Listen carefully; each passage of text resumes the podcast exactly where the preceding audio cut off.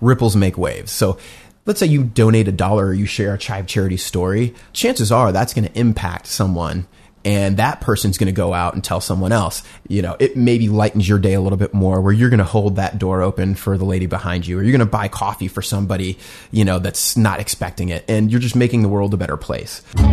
What is up, Mercedes? Javier Mercedes here for yet again another Passion in Progress show where we talk to inspiring individuals and hopefully through hearing their stories, you too are motivated to go out and pursue your passions. And on today's show, I could not be more excited because we have the executive director of Chive Charities, Brian Mercedes, also happens to share my last name and my brother. How are you doing today? I'm doing great. And for those of you that are watching on YouTube, which I know there's tens of thousands of you out there, you're not seeing double. Uh, I am, yeah, your older brother, and it is great to be here. Let me rip off some stats here. To date, when did Chive Charity start? 2012. Since 2012, they have garnered 13 million, almost 13 million dollars in donations to their charity, their 501c3. And at this point, they are helping out about a one and a half recipients every week, which is crazy. And besides me wanting to ramble on about how awesome Chive Charities is, let the audience know what you guys do. What we try to do is we try to inspire the world to champion the underdogs in need of public awareness and financial assistance. And specifically, we help about three categories of individuals and, and nonprofits, uh, those being disabled first responders, uh, veterans, and people with the rarest of rare medical conditions. A lot of times people are like, what do you mean by underdog? So, so those forgotten stories, the people that you don't hear about, we like to purchase really quality of life enhancing items, uh, things that they couldn't afford for themselves. And in a lot of times it's, you know, individuals, whether it's a veteran or a first responder or someone with a rare medical illness, something that they've gone to their insurance companies, they won't cover it. They've gone to other charities, they won't cover it. The government certainly won't cover it. So we swoop in and where we see that it's not fair that they have to pay out of pocket, um, something that really is needed for their family will come in and purchase that item for them. So, to give the audience an idea, backstory, I help out with their media. So, I help create videos and other social assets for them. Um, most recently, by the time this is this recording is released, I believe our most recent one is the Paradise Fires, which we could get into later. But to give you guys an idea, what he's talking about with veterans, there was like a veteran that just needed an air conditioning system. And you guys, you guys helped them out with that all the way to building whole wheelchair accessible fields for kids and a whole playground. And this isn't just some push out, pushover playground. This is, uh, I don't want. I don't want. I don't want to swear on the podcast, but it's it's a pretty bad A playground. Well, if we're going to do something, we're going to do it right. And what we want to do is set these individuals and these nonprofits up for success. Uh, so we're not going to come in and you know just build a half a ramp. uh, we're we're going to come in and we're going to build really a, a playground for kids with special needs at a special needs daycare, for example, is what you're talking about. Um, and it's going to be something that's going to live on for 50, 100 years. And people from, you know, the surrounding 20 to 50 miles that were having to take their kids to another city and travel two hours per day to get to a daycare that would be able to facilitate their special needs child's needs. They're going to be able to take them right next door to this amazing playground, this amazing um, special needs daycare. So um, we we are pretty broad, obviously. So people are like, "Wow, there's a lot of stuff going on," but we did that for a reason. You know, part of that is back in the day, we both worked uh, under a umbrella company called the Chive uh, Media Company, and back when it started to really grow organically, back in 08, 09, It's blog blog time when blogs when blogs Yeah, were really yeah. big. At that time, the Chive was this amazing uh, kind of reprieve, this uh, 10, 15 minutes of the day where you're doing your TPS reports, you're stressed out, you just, you know, 10 to 15 minutes you can go and you can check out some funny vo- photos, funny videos. Uh, you can go for some feel good content. Uh, there's this incredible community that's online. So there's this comment section and, you know, everywhere else in the world you were seeing just things get negative online and you would go to the Chive and you'd see people just be really, really positive. And then back in about 2010, 2011, we started to see people, uh, submit you know, there were obviously submitting photos. They were submitting their videos in, in hopes that that would make it on the Chive. And, you know, galleries were getting two to four million views. So people started to ask for help. And this incredible thing happened where the community responded and they said, Hey, you know what? This is one of our own. We're going to help them out. The first really big campaign that we ended up doing was for um, a volunteer fire department in Fluvanna County. And it, uh, lost its government grant, and if they didn't raise thirty thousand dollars, they were going to have to shut their door. And back in, I think it was like April 2011, um, one of the volunteer firefighters there a- ended up emailing uh, one of my bosses, uh, your old boss, John Resnick, who has also done the Passion Progress show. I believe it's episode 16 if you want to check it out. Not that you have them all memorized or anything, uh, but he ended up writing this Hail Mary email to John. John really didn't know the power of the Chive or the Chive community at that time either. He just said, Hey, you know what? Ah, I'm going to write this story. I'll put like, you have a donation link. Cool. We'll do that. I can't promise anything. You guys need 30,000. I'll tell them we need 30,000. Lo and behold, John writes a story, kind of bookends it with like, Hey, what else do you guys need beyond money? And uh, Kenny George, who was the volunteer fire department um, firefighter, ended up saying, "You know what? Like we always have these children that." Uh, you know, if they're riding in the ambulance, whether they need to be rescued or their parents need to be rescued, it's really scary to ride in an ambulance at any age. But what we would love to do is give them some sort of teddy bear to kind of take that edge off. And, you know, lo and behold, John books ended asking for teddy bears. After about two hours, we had raised $30,000 and hundreds of teddy bears were sent off to the fire department. And it was like, wow, we just saved this, uh, this rescue department and it's still open to this day, uh, which is fantastic, uh, because of the effort of just this community. And at that time, I don't know if you guys remember what a flash mob is, uh, that used to be a thing. And so we kind of coined this term because nobody was doing this, you know, $30,000 in two hours for an individual or a, a cause. Uh, we termed it, uh, the flash charity model. And since then, you know, you've had universities study the model and things like that. You've had GoFundMe come along. You've had CrowdRise. You've had all these places come on and, and you see that a little bit more now than you did back then. But back then we were kind of the ones that pioneer that storytelling and kind of motivating and, um, I guess getting you know, a bunch of individuals to donate a little. And at that time, it was like you would get 5,000 individuals to donate on average, you know, $25 rather than going after the big fish, you know. So that's what we kind of are made up at Chive Charities.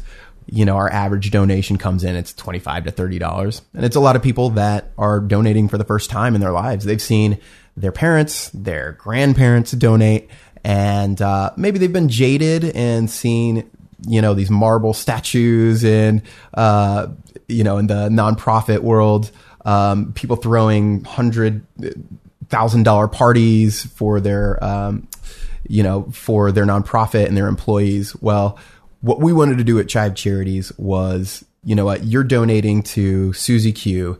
Here's what we're going to do for her. Your five dollars are going to susie q and so it was kind of using that individual to raise awareness for the cause. And so we wanted it to be so broad because there were a few different causes back then that we saw that we wanted to help. It plays towards the internet you guys are good will doers of the internet. What's interesting of what you said is for people to reference this, there was no GoFundMe. There was no CrowdRise. I made a post the other day, a couple episodes back, we did Deliver Fund, who um, helps out with taking out human traffickers in the US. And in that Facebook, I just did a little video about it, and Facebook recognized that this is a 501c3 that I'm um, doing a little promotional video for. And it just automatically says, Hey, would you like to set up a donation to this thing with this post? And I was like, It's crazy how that works today. Can you talk about in the beginning, where was Chive Charities and how are you bootstrapped into just helping people? How big's your team? Like, how do you, how do you start to be a charitable force within the internet? How we kind of were operating back then. This is April 2012. Uh, it took a little bit of time to look at all of the categories because in a 501c3 you're supposed to help a charitable uh, cause, this charitable category.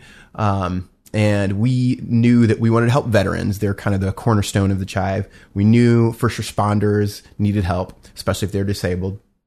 And we were at that time after we had done, you know, like those flash charity campaigns, we had done two or three at this point, and uh, we were getting a lot of people that were, you know, sending us these applications, not applications at this point, just emails saying, "Hey, I know of this person that is one of 20 people in the world. They're the only person in the United States that has this condition."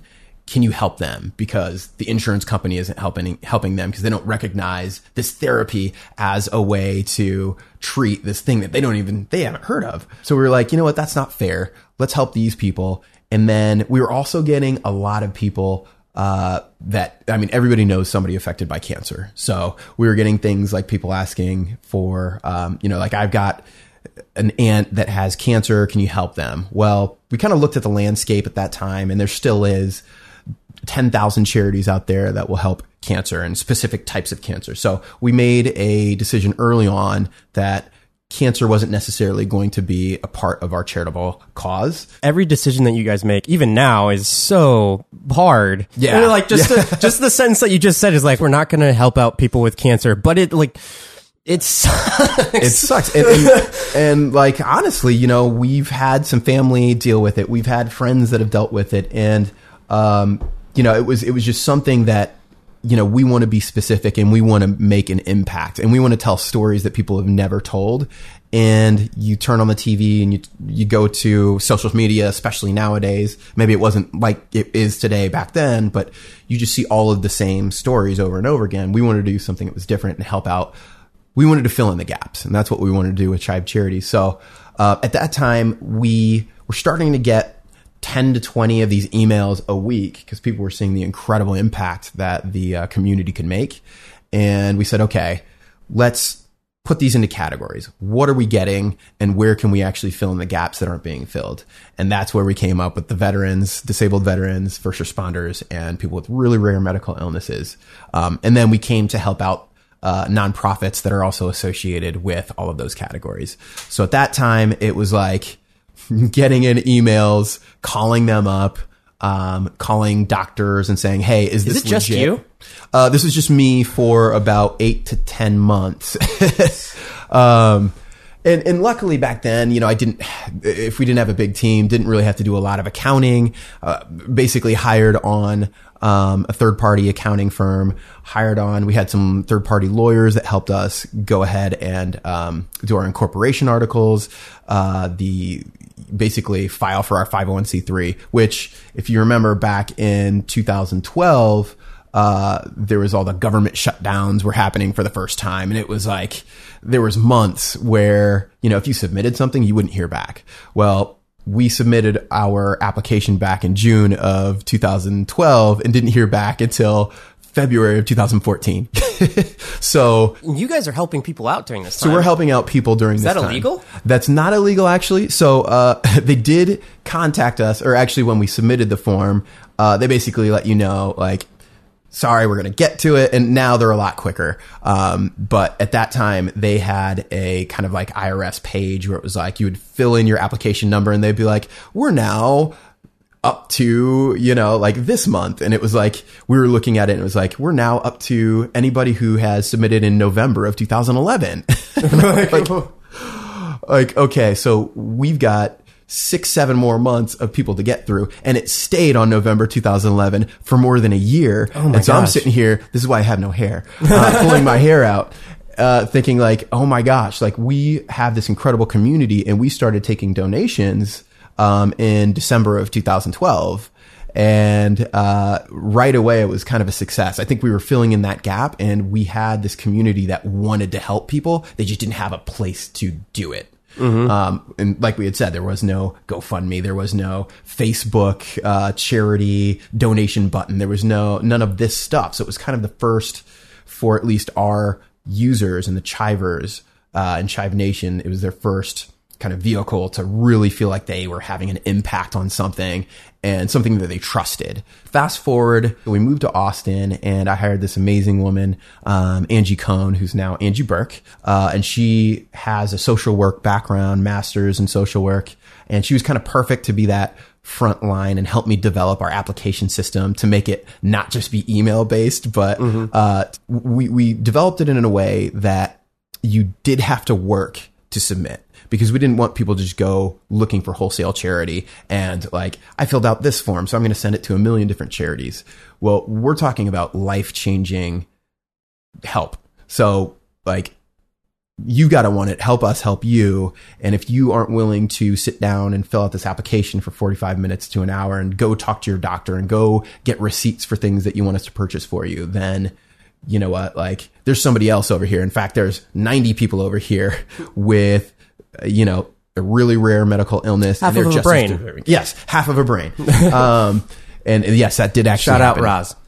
Roz, we love you. Um, so it was like, okay, let's put this application online. And then we started to see, you know, people were really filling them out. And um, a lot of times the people that were applying were people saying, hey, you know what, you're our last hope. You know, help me, Obi Wan Kenobi. You're my only hope. Uh, but over and over again, we would we would hear that. It's like I've gone everywhere else. You don't know how many charities have told me no, and I can't believe that. Like, I don't actually believe you said that you're going to help us, but we don't believe it until we show up with, say, a forty-five thousand dollar wheelchair accessible van that's in their name, it's in their parking, or it's in their garage, and they're like, "Y- "You actually did that. You said you were going to do it, and you did it, and that's incredible because like nobody else would do this." so So we just talked about Roz. What's even crazier about that one is we were going to give her a, a a van or some a vehicle of some sort.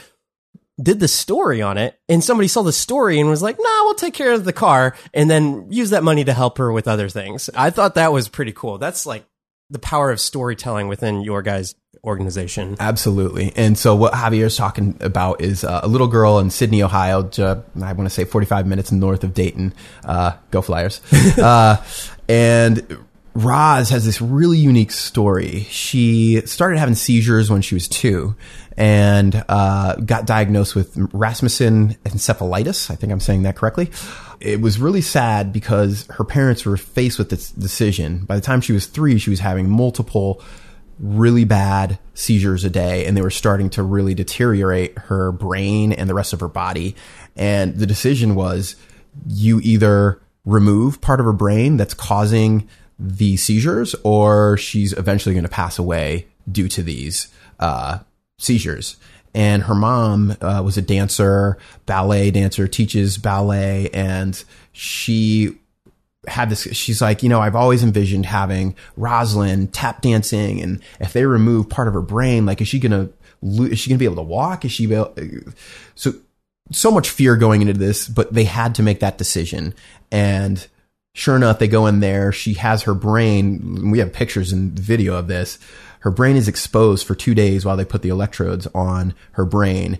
And the doctors come and say, Hey, you know what? Like it's actually the whole right half of her brain. We thought that we were going to be able to get away with just removing part of it. We actually have to remove half of her brain. Like think about that. And they had to make the snap decision to say, okay, let's go ahead and do it. Let's save her life or at least give her a fighting chance. Doctors didn't know what to expect. I mean, it's the right, it's half of your brain. So could she walk? Could she talk? Didn't know. Lo and behold, uh, surgery is a success. Within a year, she's coming back. Uh, she's not only walking, talking, she's running. She is dancing at her year uh, checkup with her doctor, showing her her doctor her moves, and we've got you know video of her tap dancing and everything. But we basically needed to help her out. You know, she is hooked up to all these machines that keep her alive while she's sleeping. And there's been a couple times in the past few years where the electricity has gone out and she falls asleep a couple hundred times, or she stops breathing a couple hundred times a night. And we wanted to get a generator for her. We wanted to get a van for her because, you know, her current van had 125,000 or 125,000 miles on it and it was literally catching on fire right before we did this story. Also, the gas gauge was broke, so she gas didn't, gauge didn't know broke. when the uh, didn't know when the car was actually out of gas right. or not. Also, side note, they donated their other car to another family that was in need. So, And, and and that's what you see with these families that we help. More and more, they want to pay it forward. And there's this thing kind of at Chive Charities at the Chive. It's like random acts of kindness and ripples make waves. So let's say you donate a dollar or you share a Chive Charity story. You know, chances are that's going to impact someone and that person's going to go out and tell someone else. And you don't have to donate to Chive Charities. You're probably just going to feel good. Like our rallying cry is, we want to make the world 10% happier. You know, it maybe lightens your day a little bit more where you're going to hold that door open for the lady behind you, or you're going to buy coffee for somebody, you know, that's not expecting it. And you're just making the world a better place. Well, with Roz in particular, there was a, um, we she really wanted a gray Honda Odyssey and there were a couple of dealerships that reached out to us and they're like, "You know what? We would love to help her. We'll maybe give you a discount." And then all of a sudden, Miami Valley Honda dealers came in and they're like, "You know what? We're not going to be able to give you guys a discount because we're going to give Roz the whole van." so, the Chivers a couple of weeks prior had helped raise forty-five thousand dollars for Roz to get her van, and that was in the matter of seven, eight hours. And what we didn't tell in the story that Javier put together in a video, incredibly, you should go watch that video, um, is that this family had so many needs inside their house. They had exposed wires, they had uneven flooring, and for Roz, who has a limp and uh, you know, if she falls down, it could be you know, pretty harmful. Just all of these things that need to be fixed in their house. And Roz's dad is a building contractor. Mm-hmm. But the thing is, Roz's mom had to quit work to support the family or to support Roz. Roz's dad was working 16 to 18 hour days. And there's no way that, you know, Roz's mom could go to Roz's dad and say, could you p- complete this after working so hard to support our family? So it was just the biggest weight lifted off of them because of the Chivers and because of the amazing community. And it's not just Chivers, it's just, you know, it's people that read these stories and, you know, people that are sharing it. And we try to get in front of eyeballs that maybe have never donated to anything and they, you know, read this or watch this video and they cry and they can't help but donate $5 to Roz. So, um, it's just a testament to storytelling, kind of hitting those universal themes, which is what we try to do. So you may not know someone with Rasmussen encephalitis, which is very, very rare, but you do know someone who looks like Roz or says something like Roz or they're, they love the little, little mermaid like Roz does. And so it kind of like endears you to these recipients. And then again, you know, we're just following up. So we're going to do a follow up post on Roz. Um, she's going to come to the Green Gala. So the donors that changed her life are going to get to meet Roz in person. And, you know, I think things like that go a long way and they're, they're pretty unique. with each story, and this is just one story. This is one, one story. one story. And now you guys are basically doing the Flash charity campaign. I, I want to say almost quarterly now, or something, Yeah, something yeah. along those lines. Quarterly to twice a year. Imagine s- getting one of these stories, and they've since 2012 been doing this, and uh, each one has its own gravitas to it, like this this weight that you're like, I don't want to be a horrible human being. I want to help somebody out. And I love how John puts it a lot of the times when he's getting interviewed about this kind of stuff and how you just put it is when you give to a cause like this, you just have a better day. Like you feel better about what you did that day and at least you knew or at least you know that what you're doing is going towards this cause. One of the things that I want to ask because you're talking about the uh 100% of the proceeds going to the recipients, how do you guys get paid?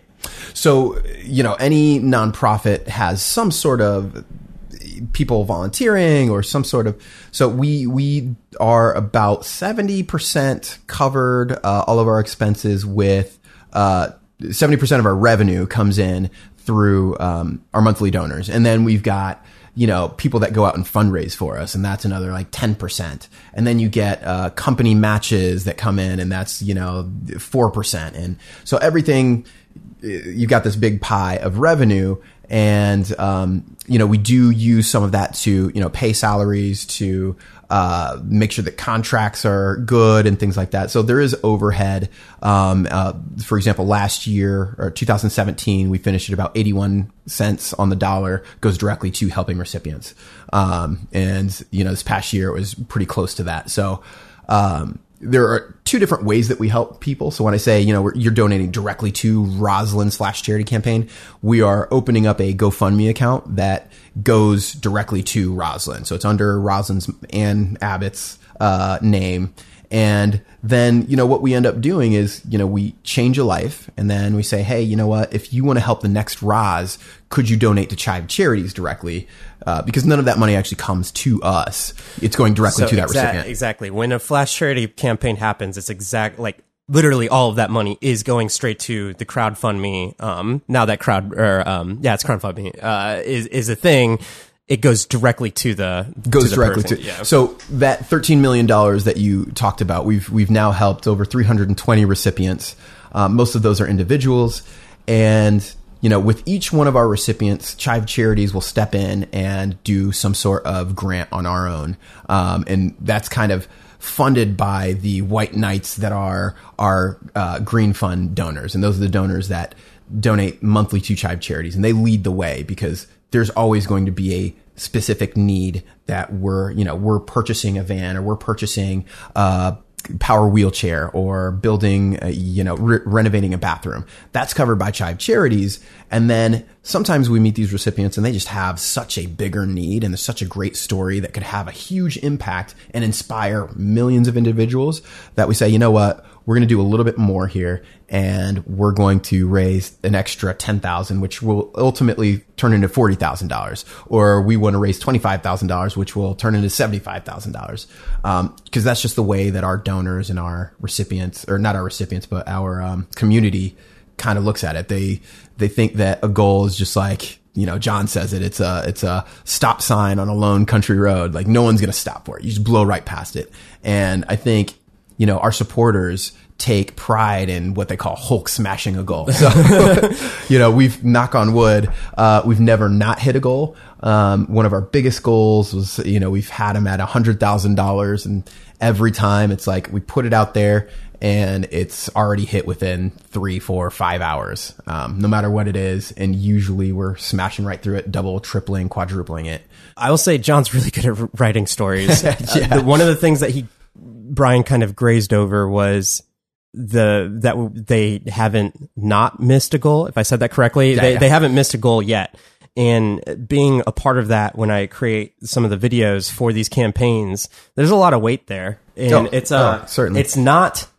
This is not something easy. This, like every single campaign that happens is a completely new story and each one is I'm like I'm sitting up at night and I'm like how do we get this money for these people that that can change their lives Yeah, to, to market these individuals and and you know what John does better than anybody is like you said, tell a story, and he knows how to pull those heartstrings, like we say, So well. He will come with an idea that seems out of left field, and it's like, well, we've never done that, John. And it's like every time, time and time again, it's like most people that read these stories are crying and then they get to the video that Javi helped us put together and then they're crying again and then it's like they can't not send it to someone. They can't not donate at least $5. They and then when you do that you're feeling so much better. But one of the things that John does with these stories is like I said, hit those universal themes so you feel like you know this person and also with the videos like you're living in there it's like that could be your cousin that could be your little sister that could be your grandpa that we're helping and we try to put you in their shoes to make you feel kind of the despair of what they've been going through and then also the elation of knowing that the calvary is coming and we're going to make a difference because that's what we do. For those that do donate following up with the recipients with the blog posts but you also brought up Green Gala where it's a living breathing person that you have been giving your money to monthly and or in in terms of the fund and then when you come out with the stories you see these stories keep coming but then at Green Gala the recipients are actually there. Like the people the the people that are donating can go up shake their hand and have a conversation with the actual recipients. That's powerful. It's so cool because the recipients will fly in recipients and they're like this has been so magical. Like i got to say thank you to hundreds of people who helped change my life. And then the other people are over here saying like oh my gosh like i'm so invigorated. Like you know i'm going to tell my friends and like i want to help more. How can i do more? Can i give more? Because i just met little zoe or you know i met kenzie and you know it's just like it's just this feel good philanthropic feel good night. And yes there's booze. Yes there's dancing. Um, you know there's there's little kids running around um, emberlyn who has no legs is sitting up there and dancing harder than anyone else. And it's just a magical, magical night. So, um, if anybody has the opportunity to go to Green Gala, I would say definitely go. Segue, talk about your process. How at this point you guys are helping out so many people on a weekly basis. Do you have a board? What does it look like when you when you choose people to help out? It has to be one of the hardest one of the hardest processes. well, thanks. Yeah, thanks for bringing that back up because we just did our uh, quarterly board selection where we made the decisions a couple days ago, and I just got over it. But thanks for bringing it back up. No, uh, so the application process. We've got it online.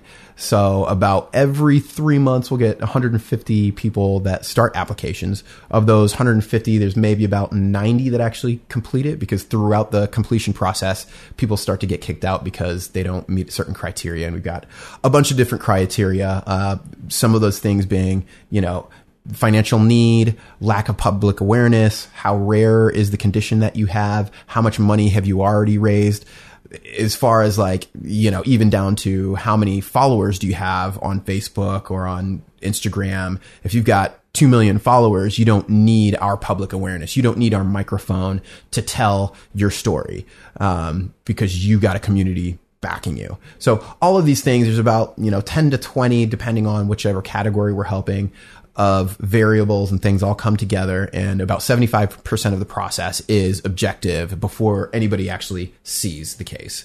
Then Angie and uh, Kelly will go in and take a look and add a couple more variables in there. They'll start screening. They'll start talking with these recipients. They'll start talking with doctors to make sure that, you know, people have what they say they have, what they're requesting, the items, uh, line up with what their doctors say they need. Um, you know, if somebody's coming in and is asking for a Cadillac Escalade when all they really need is a Honda Odyssey, that's kind of a red flag, obviously. Yeah. Um, and, and so they'll kind of cut that down. Those 90 will become 50 or 60 that they'll actually take to the board selection committee where we sit down, we put it up on the 80 inch screen. And this is that difficult part. It's the most rewarding day and the hardest day as well, but they do a really good job of kind of making it snackable. So it's tell us the story. Who are they? Where are they from? What are they asking for? What's our budget? How many of these vans can we actually uh, purchase? How many renovations can we do? How many rare medical uh, therapy items can we get? So it's just kind of going through these, all of these. And from those 60, and all 60 of these people are 100% worthy and we could help them, but you have to whittle it down to 15 to 18, sometimes well, I think we just did uh, 22 or 23 this last round. Um, so you're cutting that potentially uh, by 60% to get to, you know, 16 to 24 individuals that we're going to help, depending on, you know, budget and everything. So from there, uh, Angie and Kelly have kind of the hard job of telling those 30 people, like, hey, sorry, like, Oh, you have to tell. You have to yes. call them up and tell them they're not. Oh no, we have to. We have to let them know. Um, but then on the flip side of that, there is the, you know, we're we're going to help you.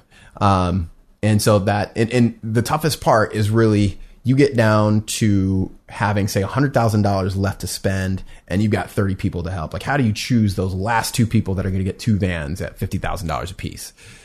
It's tough. Um, but you know, it's a decision that we have to make, and um, you know, we kind of look forward to helping those people. And then we have some that are like in the maybe section, um, and depending on what happens, because there may be because we will we will tell people that yes, you're accepted, but we may not be able to help them for three months because just the way the budget works. If we had you know, 5,000 more monthly donors, we could help a lot more people, but we don't. Uh, so we kind of have to schedule. Speaking of, out. where can people see Chive Charities uh, to yeah. become a donor? so they can go to chivecharities.org. Uh, we're Chive Charities on you know Twitter, we're on Instagram, we're on um, on Facebook. Tell your kids, tell your wife. I cut you off, but I think that was basically that's it, kind yeah. of the end. It's uh yeah, so we're we're basically going through that right now where we've selected our recipients. We're kind of uh, completing the prior quarters recipients and now jumping into what will be July, where we're going to start helping those 24 new individuals. Um, so yeah, if you do the math, it's, you know, we're going to be doing pretty much one and a half to two per week going forward. So it's a it's a lot of work, um, and you wanna you wanna present these stories in the best way possible. You want to connect with the audience every single time, but you don't want to overdo it. So it's kind of like finding that balance. For the people that know somebody in a 501c3 that or owns a 501c3, when it comes to getting money, what's the what's the biggest thing that's been your guys's I want to say silver bullet, but I know No, there's no, a whole yeah, bunch of stuff. It makes a lot of sense. Um, well, first of all, I would say like you got to find obviously something that you're passionate about. Um, let's say you're trying to start a 501c3, um, and you got to find like is there a community out there that wants to do what you want to do? And then when it comes to the storytelling, like i- everything's storytelling. So if you're not telling stories, you're not you're you're not doing it right. Um, I don't care whether you're advocating for whatever you're advocating for, uh, who you're trying to help, what you're trying to do. Um, you got to tell a story that connects with your audience. And so, you know, find those universal themes. Um, it's not all about just talking about what happened, but per- build up the personality. People want to help someone that they could see themselves being friends with. Um, so we're not just going to tell you, Kenzie, has to live in a bubble because she gets sick very easily and you know she has had this surgery and this that and the other we're going to tell you that kenzie loves going to disney world and she you know is a used to be a cheerleader and she can't do that anymore and you know you're going to build up that personality so people feel like they're friends with kenzie or you know that they just they can't not reach out and do something for her doesn't have to be donating but tell someone about kenzie and maybe they'll donate um, so I'd say just hit those universal themes and tell that story in a way that's compelling. Got it. and ask. I mean, because if you don't ask for it, people will tell a story and not like actually have a good call to action. So what's your call to action? Like for us, it's help the next person. It's, you know, if you didn't donate that $5 today, this veteran that had a gun in his mouth and was thinking about pulling the trigger wouldn't have gotten his therapy dog that comforts him and is keeping him from doing something that you know we obviously don't want him to do so so yeah